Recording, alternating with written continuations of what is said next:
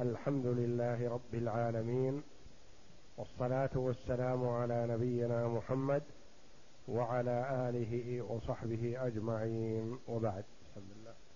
بسم الله الرحمن الرحيم. قال المصنف رحمه الله تعالى كتاب الحج. يقول المؤلف رحمه الله تعالى كتاب الحج.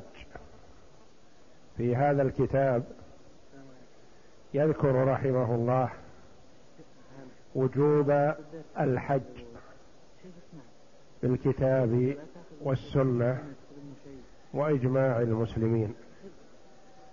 ويذكر أحكام الحج أركانه وواجباته وعلى من يجب ومحظورات الإحرام وما يتعلق بالحج من أحكام. الحج من أركان الإسلام وفروضه لقول الله تعالى ولله على الناس حج البيت من استطاع إليه سبيلا ومن كفر فإن الله غني عن العالمين. ولما روينا فيما مضى وروى مسلم عن أبي هريرة قال خطبنا رسول الله صلى الله عليه وسلم فقال يا أيها الناس إن الله قد فرض عليكم الحج فحجوا. فقال رجل أكل عام يا رسول الله؟ فسكت حتى قالها ثلاثا. فقال رسول الله صلى الله عليه وسلم لو قلت نعم لوجبت ولما استطعتم. ثم قال ذروني ما تركتكم. الحج من أركان الإسلام وفروضه.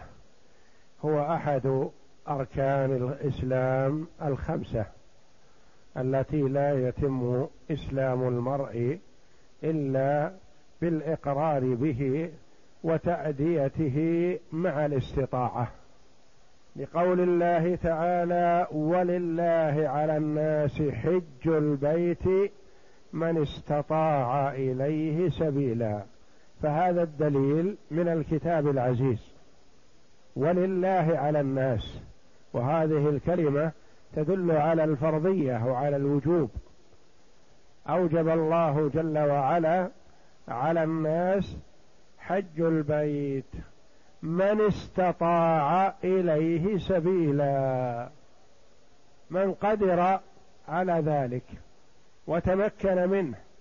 أما من لم يقدر لماله أو لبدنه أو لكونه لا يستطيع الوصول إلى بيت الله الحرام فقد عثره الله جل وعلا لأن الفرض على المستطيع. من استطاع إليه سبيلا. وقوله جل وعلا ومن كفر فإن الله غني عن العالمين.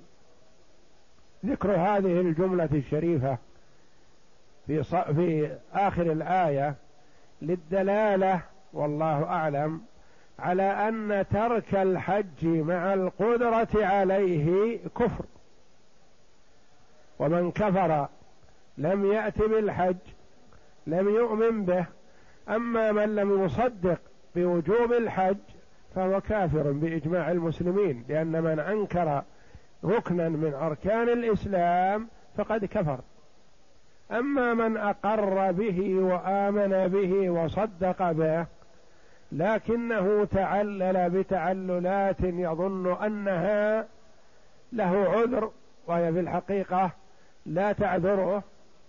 فهذا أمره إلى الله جل وعلا. ومن كفر فإن الله غني عن العالمين.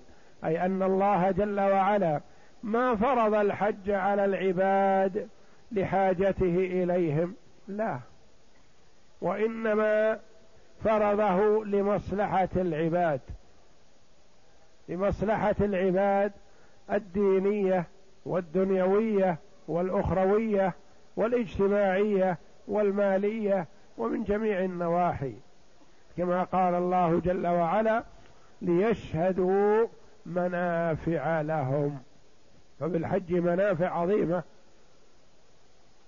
ومن كفر فإن الله غني عن العالمين. الله جل وعلا ما فرض الحج على العباد لحاجته إليهم أو لأنه ينتفع بذلك فهو جل وعلا الغني عن كل ما سواه والخلق فقراء إليه. ولما روينا فيما مضى أحالنا المؤلف رحمه الله على حديث أبي هريرة رضي الله عنه الذي أورده رحمه الله في كتاب الزكاة لقول النبي صلى الله عليه وسلم بني الإسلام على خمس شهادة أن لا إله إلا الله وأن محمدا رسول الله وإقام الصلاة وإيتاء الزكاة وصوم رمضان وحج البيت متفق عليه. فهذا الحديث مضى في كتاب الزكاة قال ولهذا قال رحمه الله ولما روينا فيما مضى وروى مسلم عن أبي هريرة رضي الله عنه قال خطبنا رسول الله صلى الله عليه وسلم فقال يا أيها الناس إن الله قد فرض عليكم الحج فحجوا والخلاف بين العلماء رحمهم الله. هل فرض الحج في السنة التاسعة أم قبل ذلك؟ وأول حج حجه النبي صلى الله عليه وسلم بعد هجرته إلى المدينة وآخر حجة حجها هي حجة الوداع في السنة العاشرة من الهجرة. وحج أبو هريرة أبو بكر الصديق رضي الله عنه بالناس أمره النبي صلى الله عليه وسلم على الحج في السنة التاسعة. ومن المعلوم أن مكة شرفها الله فتحها الله لرسوله صلى الله عليه وسلم في السنة الثامنة من الهجرة في شهر رمضان المبارك. وكان الناس يحجون المسلم والكافر. فأرسل رسول الله صلى الله عليه وسلم أبو بكر رضي الله عنه أميرا على الحج في السنة التاسعة من الهجرة وأمره أن ينادي في الناس ألا يحج بعد العام مشرك. المشرك لا يدخل مكة. ولا يطوف بالبيت عريان. وكانوا في الجاهلية يطوفون بالبيت عراة سوى أهل مكة.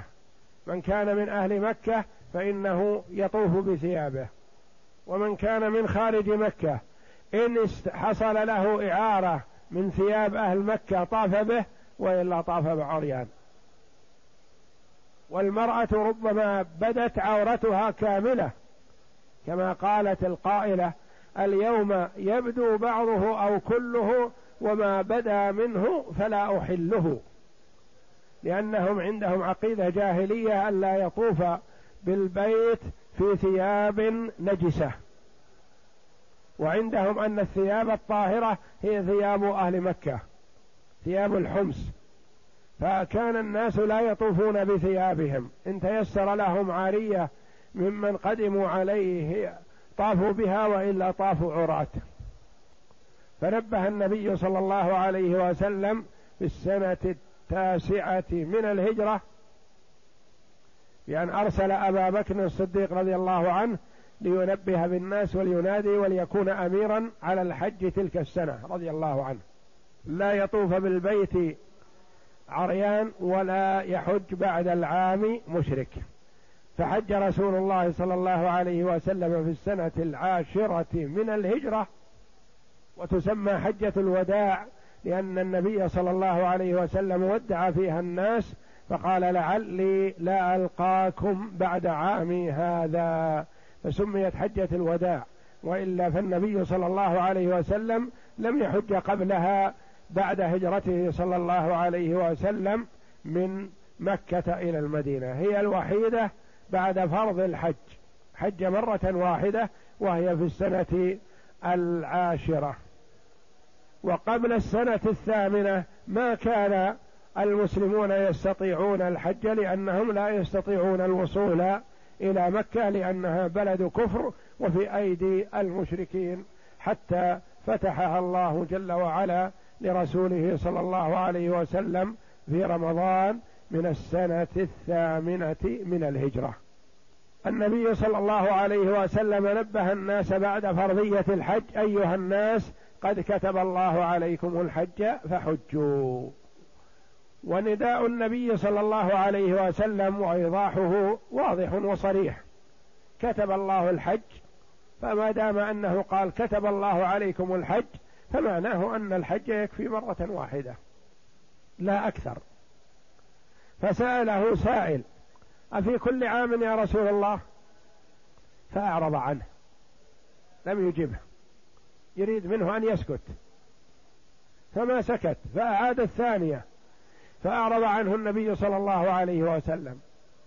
ولم يجبه. لعله يسكت. فلم يسكت. فأعاد الثالثة.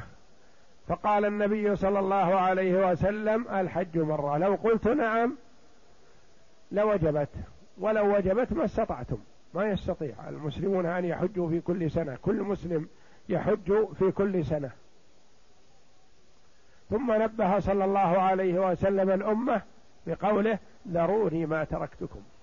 إذا قلت لكم كلاما فافهموه وخذوه ولا تتعمقوا فيه وتشددوا وتكثروا الأسئلة كما فعل بنو إسرائيل. ذروني ما تركتكم. ما دام لم أقيد أو أبين ببيان الوجوب في كل سنة فمعناه أنه يكفي سنة واحدة. والتشدد في الأسئلة حتى تشدد المرء في أسئلة لشيخه أو العالم أو نحوه لا ينبغي ولا يجوز وإنما يسأل عما يشكل عليه ويقبل ما يقال بدون أن يتعمق ويتشدد في الأمر كما تشدد بنو إسرائيل. بنو إسرائيل قال لهم موسى عليه الصلاة والسلام إن الله يأمركم أن تذبحوا بقرة. وهذه البقرة أمرهم الله جل وعلا أن يضربوا هذا الميت بجزء منها ليتكلم وليخبر من قتله. فلو أخذوا أي بقرة وذبحوها لأدى الغرض. لكنهم تشددوا وسألوا الأسئلة الواردة في سورة البقرة. فكلما سألوا سألوا أخبروا أضافوا أسئلة أخرى. حتى حددت ببقرة معينة لا تختلف فزادت قيمتها عليهم أضعافا مضاعفة. ولو أخذوا أي بقرة وذبحوها وضربوا الميت بجزء منها لأدى الغرض. فلذا قال صلى الله عليه وسلم ذروني ما تركتكم. لا تتعمقوا ولا تسألوا. إنما أهلك من كان قبلهم بكثرة سؤالهم واختلافهم على أنبيائهم أو كما قال صلى الله عليه وسلم. وتجب العمرة على من يجب عليه الحج لقول الله تعالى وأتموا الحج والعمرة لله. ولما روى الصبي بن معبد قال أتيت عمر فقلت يا أمير المؤمنين إني أسلمت وإني وجدت الحج والعمرة مكتوبين مكتوبين علي فأهللت بهما فقال هديت لسنة نبيك صلى الله عليه وسلم رواه النسائي. وتجب العمرة على من يجب عليه الحج ومن يجب عليه الحج سيأتي بيانه ومعرفته. فالعمرة هي قرينة الحج وهي الحج الأصغر. والدليل على وجوبها قول الله جل وعلا وأتموا الحج والعمرة لله. وليس وجوب العمرة بالاتفاق بل فيه خلاف. فبعض العلماء يرى أن العمرة ليست بواجبة. فإذا قيل له هذا الدليل وأتم الحج والعمرة لله قال نعم. من دخل بها وجب عليه أن يتمها وهذا باتفاق. وأما من لم يدخل فلا يجب عليه. ولما روى الصبي بن معبد هذا مخضرم أدرك النبي صلى الله عليه وسلم ولم يره وأدرك الصحابة رضي الله عنهم وأخذ منهم فيعتبر من التابعين المخضرمين. يعني أدرك النبي صلى الله عليه وسلم ولم يره فلا يقال له صحابي لأن الصحابي من رأى النبي صلى الله عليه وسلم مؤمنا به يقال له صحابي. والتابعي هو من رأى الصحابة رضي الله عنهم. فقد يرى الرجل النبي صلى الله عليه وسلم وهو مشرك. ثم يمن الله عليه بالإسلام بعد وفاة النبي صلى الله عليه وسلم. فلا يقال لهذا صحابي لأنه ما رأى النبي صلى الله عليه وسلم حالة كونه مؤمنا به. وهذا الصبي بن معبد أدرك زمن النبي صلى الله عليه وسلم ولم يره. وأدرك عمر رضي الله عنه. فجاء الصبي هذا بعمرة ويخبر عن نفسه. يقول أتيت عمر رضي الله عنه. إذا قيل في كتب العلم عمر وسكت عن بقية اسمه فهو ينصرف إلى عمر بن الخطاب رضي الله عنه. لا ينصرف إلى سواه. فقلت يا أمير المؤمنين إني أسلمت. يعني أسلم. دخل في الإسلام. وإني وجدت الحج والعمرة مكتوبين علي. هذا هو الشاهد. قال وجدت الحج والعمرة مكتوبين علي. وعمر رضي الله عنه أقره على ذلك. ما قال لا يا أخي العمرة ليست مكتوبة عليك وإنما الحج هو الذي مكتوب عليك. فأقره عمر رضي الله عنه فكان دليلا على وجوب العمرة يعني أن عمر بن الخطاب رضي الله عنه يرى وجوب العمرة. فأهللت بهما يعني لبيت وأحرمت بهما أحرمت بالحج والعمرة. فقال له عمر رضي الله عنه هديت لسنة نبيك صلى الله عليه وسلم. يعني وفقت للسنة. يعني عملك هذا إحرامك بالحج والعمرة هذا سنة رسول الله صلى الله عليه وسلم. وفعلا النبي صلى الله عليه وسلم أهل بالحج والعمرة لأن إحرامه عليه الصلاة والسلام كان قارنا كما هو الراجح. من أقوال العلماء رحمهم الله. ويجب ذلك في العمر مرة لحديث أبي هريرة. ويجب ذلك في العمر مرة. لا يجب على المسلم إلا مرة واحدة. إذا أداه متى ما أداه بعد بلوغه كفاه إذا أدى الحج قبل البلوغ يجب أن يحج بعد بلوغه. لأن الحج قبل البلوغ لا يعتبر مؤديا للواجب للفرض للركن. لحديث أبي هريرة المتقدم الذي يقول فيه خطبنا رسول الله صلى الله عليه وسلم فقال يا أيها الناس إن الله قد فرض عليكم الحج فحجوا فقال رجل أكل عام يا رسول الله؟ فسكت حتى قالها ثلاثا. فقال رسول الله صلى الله عليه وسلم لو قلت نعم لوجبت ولما استطعتم.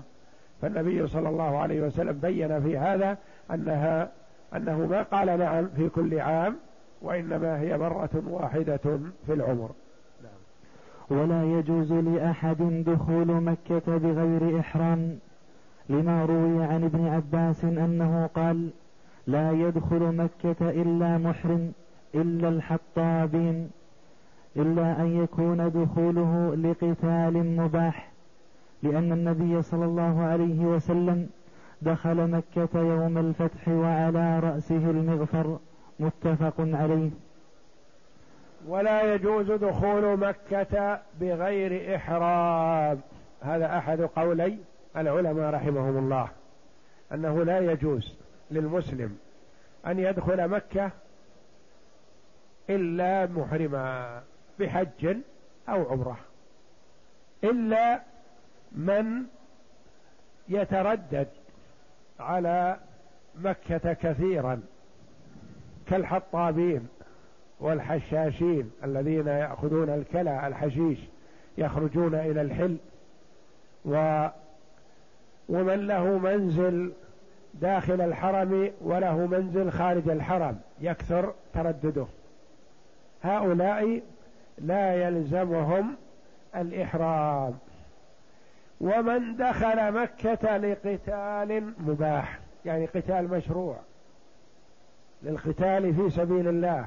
أما إذا كان لقتال معتد أو ليقاتل وهو ظالم في قتال هذا فيحرم عليه القتال ويحرم عليه الدخول ولا يصح دخوله ولا يجوز له الدخول إلا محرما لا يعفى عن الإحرام. والقتال المباح كدخول النبي صلى الله عليه وسلم والصحابة رضي الله عنهم لأنهم دخلوا لقتال أهل مكة وأهل مكة كفار مشركون. فمن دخل من كرر الدخول أو كان دخوله لقتال مباح فلا يلزمه الإحرام ومن عداهم فيلزمه الإحرام على هذا القول. والقول الآخر أنه لا يلزم. الإحرام إلا من دخل مكة بنية الحج أو العمرة.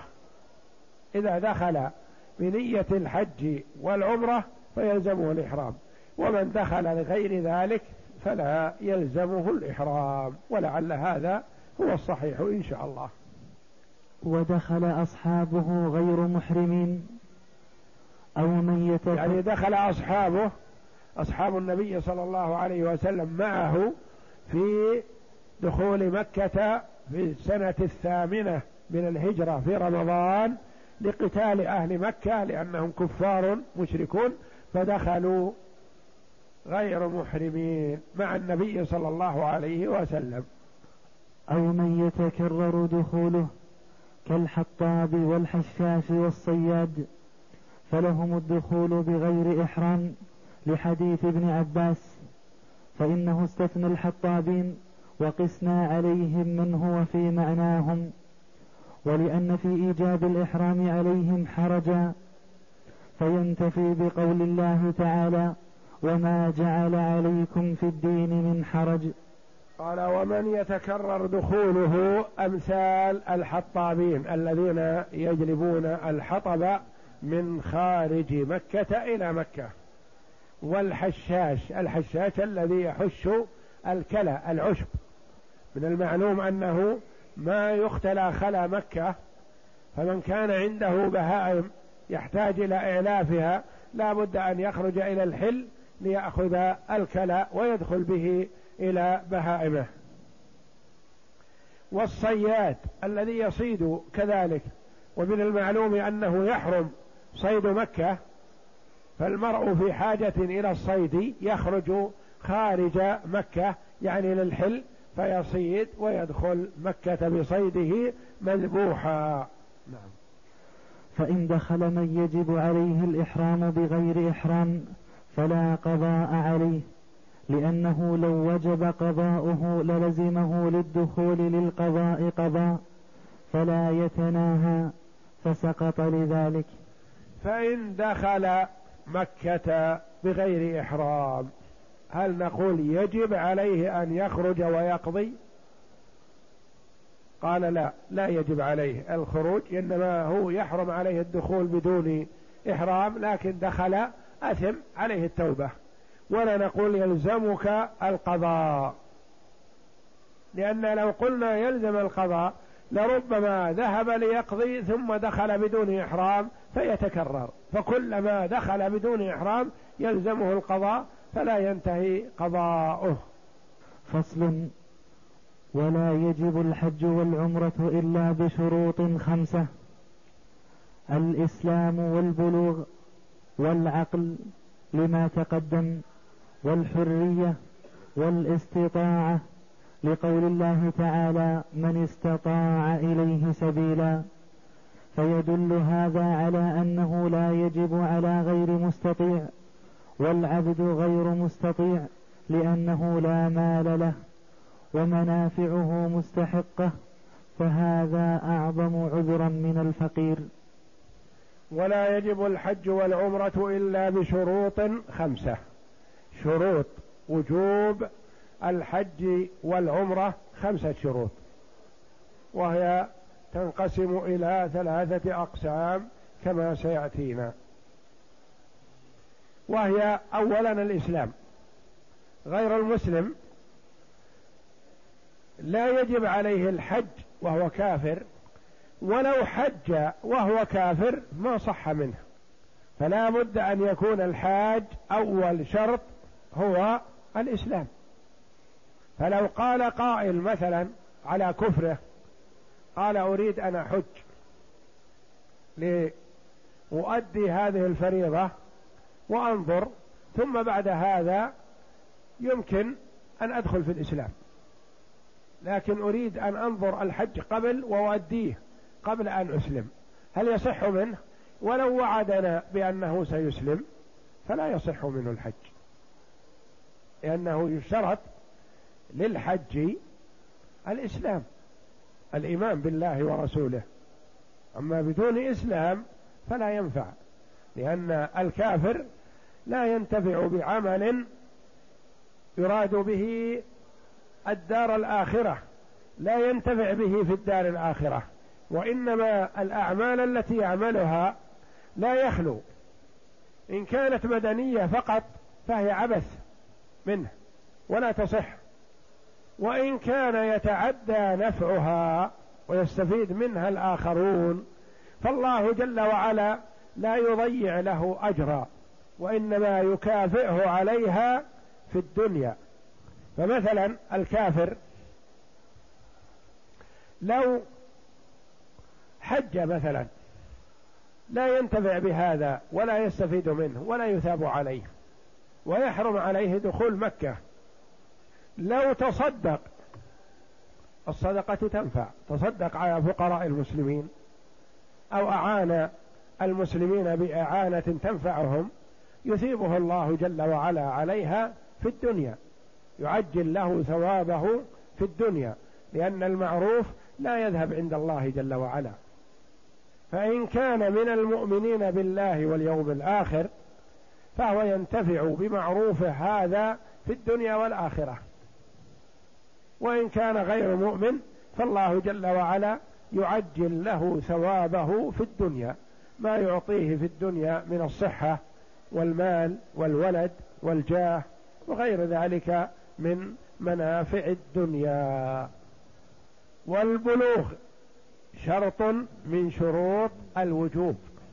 غير البالغ الصبي سواء كان مميز أو غير مميز لا يجب عليه الحج. ولو حج مع أهله صح حجه لكن لا يجزئه عن حجة الإسلام.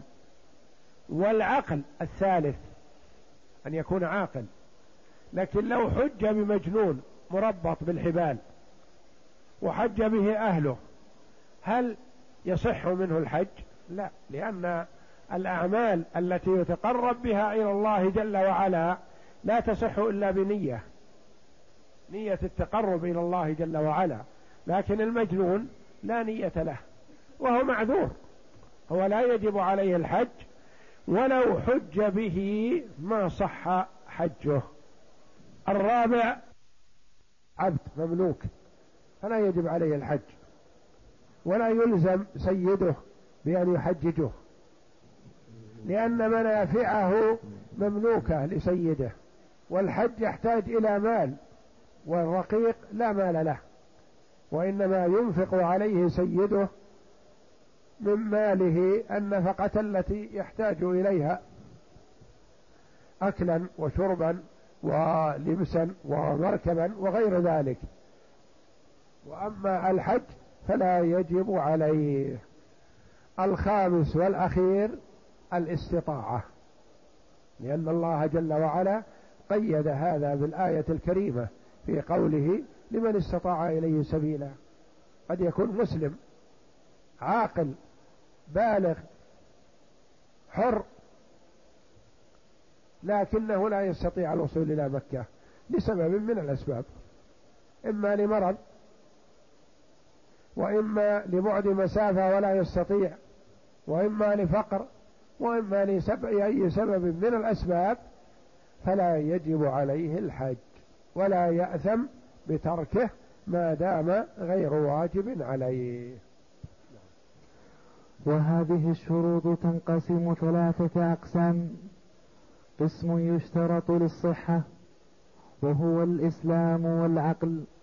فلا يصح من كافر ولا مجنون لما ذكرنا في الصوم. وقسم يشترط للإجزاء وهو البلوغ والحرية. لما روى ابن عباس قال قال رسول الله صلى الله عليه وسلم أيما صبي حج ثم بلغ فعليه حجة أخرى. وأيما عبد حج ثم عتق فعليه حجة أخرى. رواه الشافعي والطيالسي في مسندهما. ولأنه فعل العبادة وهو في غير أهل الوجوب فلم يجزئه إذا صار من أهل الوجوب. كالصبي يصلي ثم يبلغ في الوقت وإن وجد البلوغ أو العتق في الوقوف بعرفة أو قبله أجل وهذه الشروط الخمسة تنقسم ثلاثة أقسام. توزع على ثلاثة أقسام. شرط قسم منها للصحة وقسم منها للإجزاء يشترط للإجزاء وقسم منها للوجوب. إيضاح ذلك. قسم يشترط للصحة وهو الإسلام والعقل. لو حج الكافر هل يصح؟ لو حج المجنون مثلا هل يصح؟ لا ما يصح. اذا هذان الشرطان شرطان لصحة الحج بخلاف ما بعدها فبعضها شرط للإجزاء وبعضها شرط للوجوب دون الصحة. وقسم يشترط للإجزاء دون الصحة.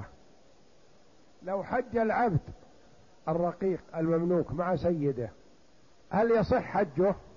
نعم يصح لكن لا يجزي عن فريضة الإسلام. لو حج بالصبي مع أبيه أو مع أمه أو مع أخيه أو مع أحد من أقاربه حج وهو ابن شهر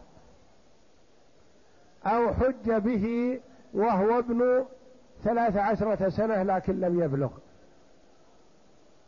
لأن البلوغ قد يحصل من عشر سنوات فما فوق. إلى حد الخمسة عشر يحصل البلوغ. يبلغ الصبي.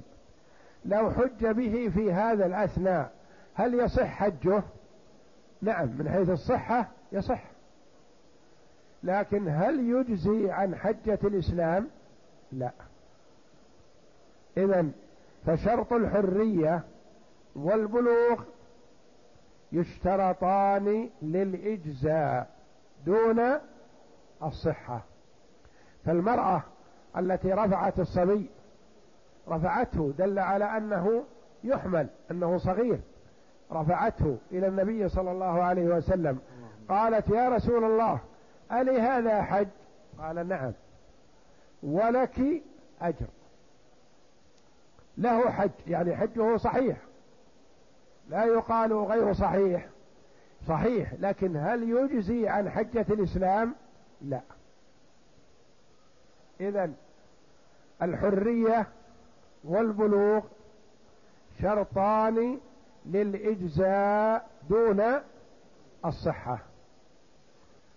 لما روى ابن عباس رضي الله عنهما قال قال رسول الله صلى الله عليه وسلم أيما صبي حج ثم بلغ فعليه حجة أخرى يعني حجة الإسلام. وأيما عبد حج ثم عتق فعليه حجة أخرى. رواه الشافعي والطيالسي في مسنديهما. ولأنه فعل العبادة وهو من غير أهل الوجوب يعني ما يجب عليه. ففعل المرء شيء لا يجب عليه يعتبر نفل والنفل لا يسقط الفرض فلم يجزئه إذا صار من أهل الوجوب كالصبي يصلي ثم يبلغ في الوقت. الصبي يقول المؤلف رحمه الله كالصبي. يصلي ثم يبلغ في الوقت. ابن عشر سنوات فما فوق لم يصل إلى خمسة عشر.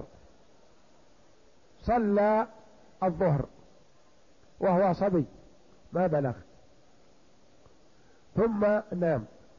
ثم احتلم في نومه هذا فاستيقظ قبل العصر بساعة. ماذا عليه؟ يقول المؤلف رحمه الله مثل هذا عليه أن يغتسل عن الاحتلام ويقوم يصلي الظهر. لما يرحمك الله يعيد صلاة الظهر مرتين؟ قال نعم لأن تلك نافلة ما وجبت عليه ما بلغ. وهذه التي أوجبنا عليه الآن فرض لأن عرفنا أنه بلغ بهذا الاحتلام فيجب عليه أن يؤدي الفريضة. ومثل ذلك إذا لم يحتلم مثلا. إذا صلى العشاء جماعة ثم انصرف إلى أهله. بعد صلاة العشاء بساعتين تم بلوغ خمس عشرة سنة. أعلمته أمه أنها ولدته بعد صلاة العشاء بساعتين أو ثلاث وهذه الليلة هي بلوغ خمس عشرة سنة. قال المؤلف رحمه الله يلزم هذا أن يقوم ويصلي صلاة العشاء. ألم يكن صلاها مع الجماعة في المسجد؟ يقول نعم بلى صلاها لكن صلاها نافلة لأنه ما بلغ. فلما مضى بعد صلاة العشاء ساعتان أو ثلاث عرفنا أنه بلغ خمس عشرة سنة فتجب عليه الصلاة الآن وجوبا. هذا القياس الذي قاس عليه المؤلف رحمه الله تعالى. ويرى كثير من العلماء أن المرأة إذا أدى ما عليه خاصة في موضوع الصلاة لأن الله جل وعلا لم يتعبد العباد بأن يأدوا الصلاة مرتين في الوقت. ما دام أنه أداها بلغ أو لم يبلغ فهي أسقطت عنه ما عليه. وإن وجد البلوغ أو العتق في الوقوف بعرفة أو قبل. أن يفرع رحمه الله على البلوغ للصبي والعتق بالنسبة للرقيق قبل أن يأتي بالقسم الثالث الذي هو شرط للوجوب فقط الذي هو الاستطاعة. فالاستطاعة شرط للوجوب.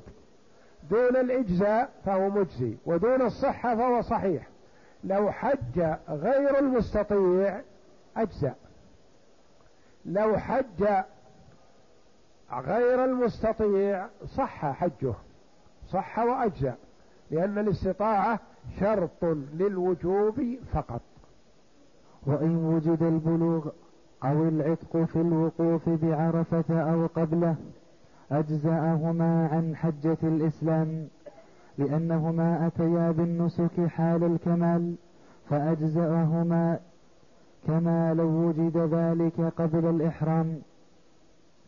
وإن وجد بعرف وإن وجد بعد الوقوف في وقته فرجعا فوقفا في الوقت أجزأهما أيضا لذلك وإن فاتهما ذلك فلم يجزئهما لفوات ركن الحج قبل الكمال.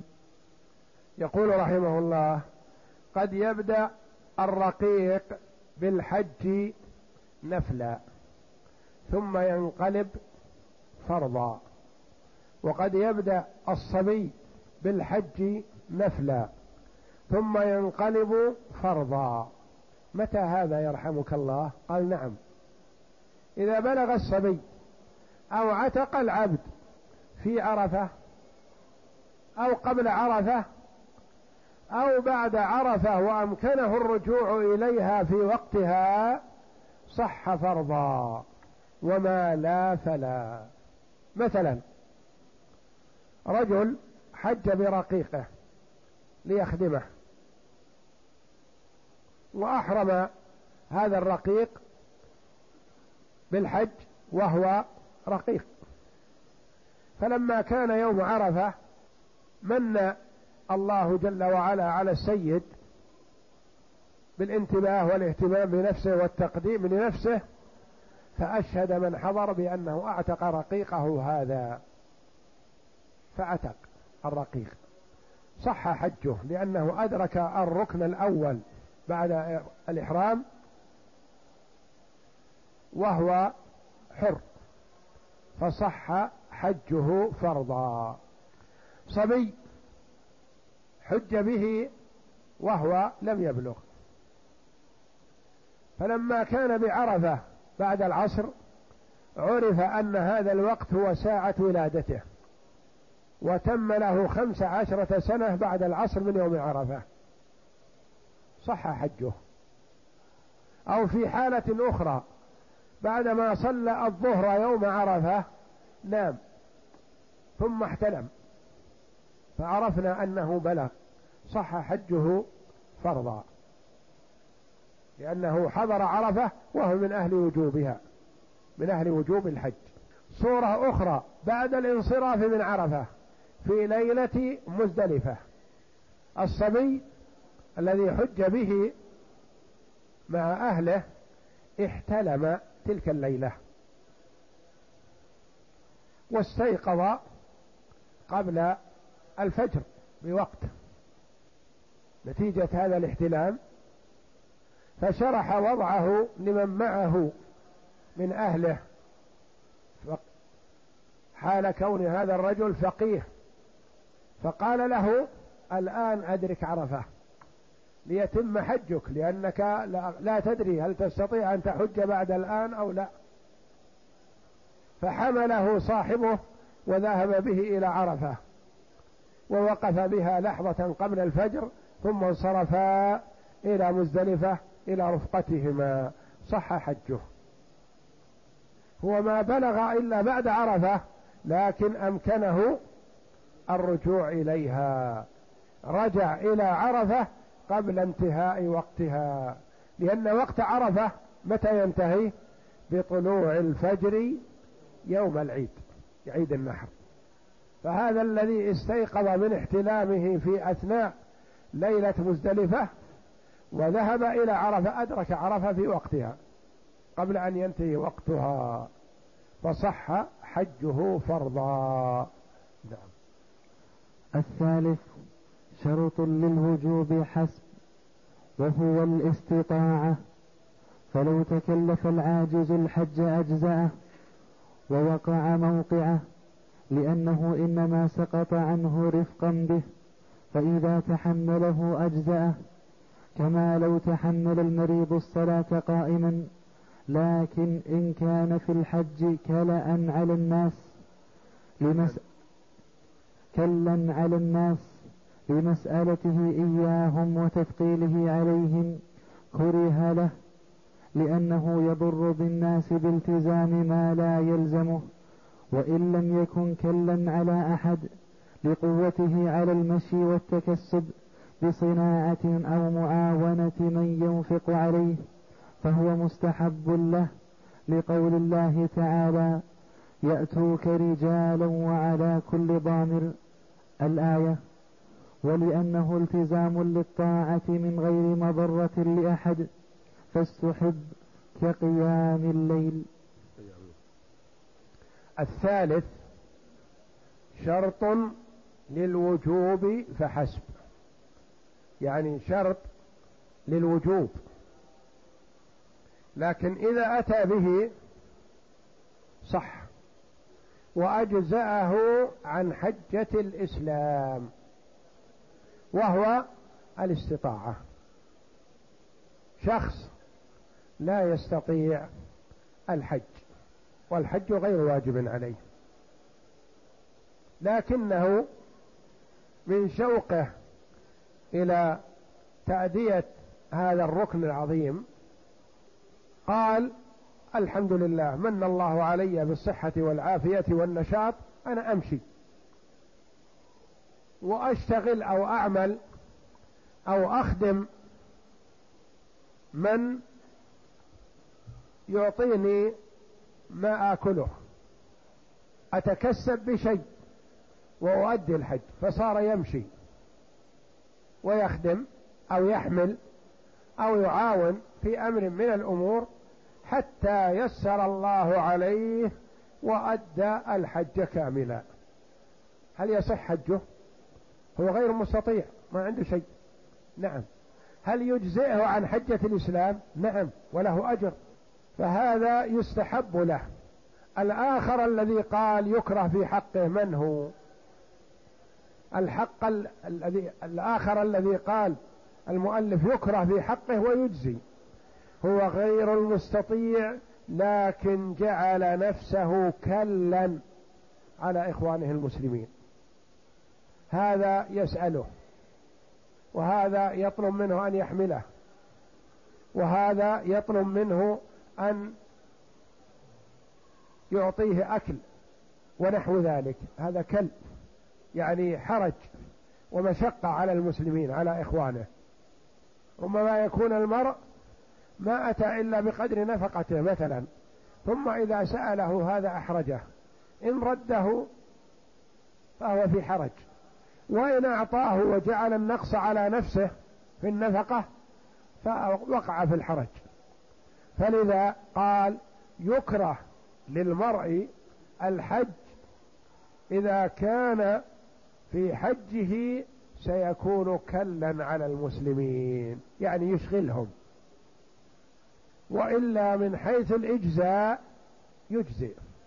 أما أن يحج وهو لا يؤذي أحد وإنما يتكسب يحمل هذا المتاع ويأخذ أجرته يعمل لهذا الرجل عمل ويأخذ أجرته يخدم هذا الرجل ويأخذ أجرة خدمته. وهكذا فهذا ليس كلا على المسلمين وإنما هو يعمل ويتكسب وينفق على نفسه ولا يؤذي أحدا فهذا يستحب له ذلك حتى لو لم يجب عليه. لقول الله جل وعلا يأتوك رجالا وعلى كل ضامر. يأتوك رجالا يعني على أرجلهم يمشون. ومن المعلوم أن الغني لن يأتي يمشي. وإنما الذي يأتي يمشي الفقير اللي ما عنده شيء. فامتدحهم الله جل وعلا بهذا أنهم يأتون إلى بيته بهذه الصفة منهم من يأتي راجلا يعني لا يستطيع أن يجد مركوبا فيأتي ماشيا على قدميه. وقاس هذا على من أدى فرضا لا يجب عليه. فمثلا المصلي الواجب عليه القيام في صلاته. المريض ما الذي يجب عليه؟ الصلاة ما يستطيع القيام جلس. الفرض في حقه الجلوس. لكنه تحمل المشقة وشد على نفسه وقام. هل تصح صلاته؟ نعم. تصح. لأنه حمل نفسه المشقة ليؤدي أكثر من الواجب عليه. قال كمن شق على نفسه بقيام الليل. قيام الليل ليس بواجب والمرء أحب أن يقوم فشق على نفسه مثلا هو ضعيف أو مريض أو مرهق أو نحو ذلك لكنه شد على نفسه وقام الليل فله أجر وله أجر المشقة وأجر تأدية هذا العمل. والله أعلم وصلى الله وسلم وبارك على عبده ورسوله نبينا محمد وعلى آله وصحبه أجمعين.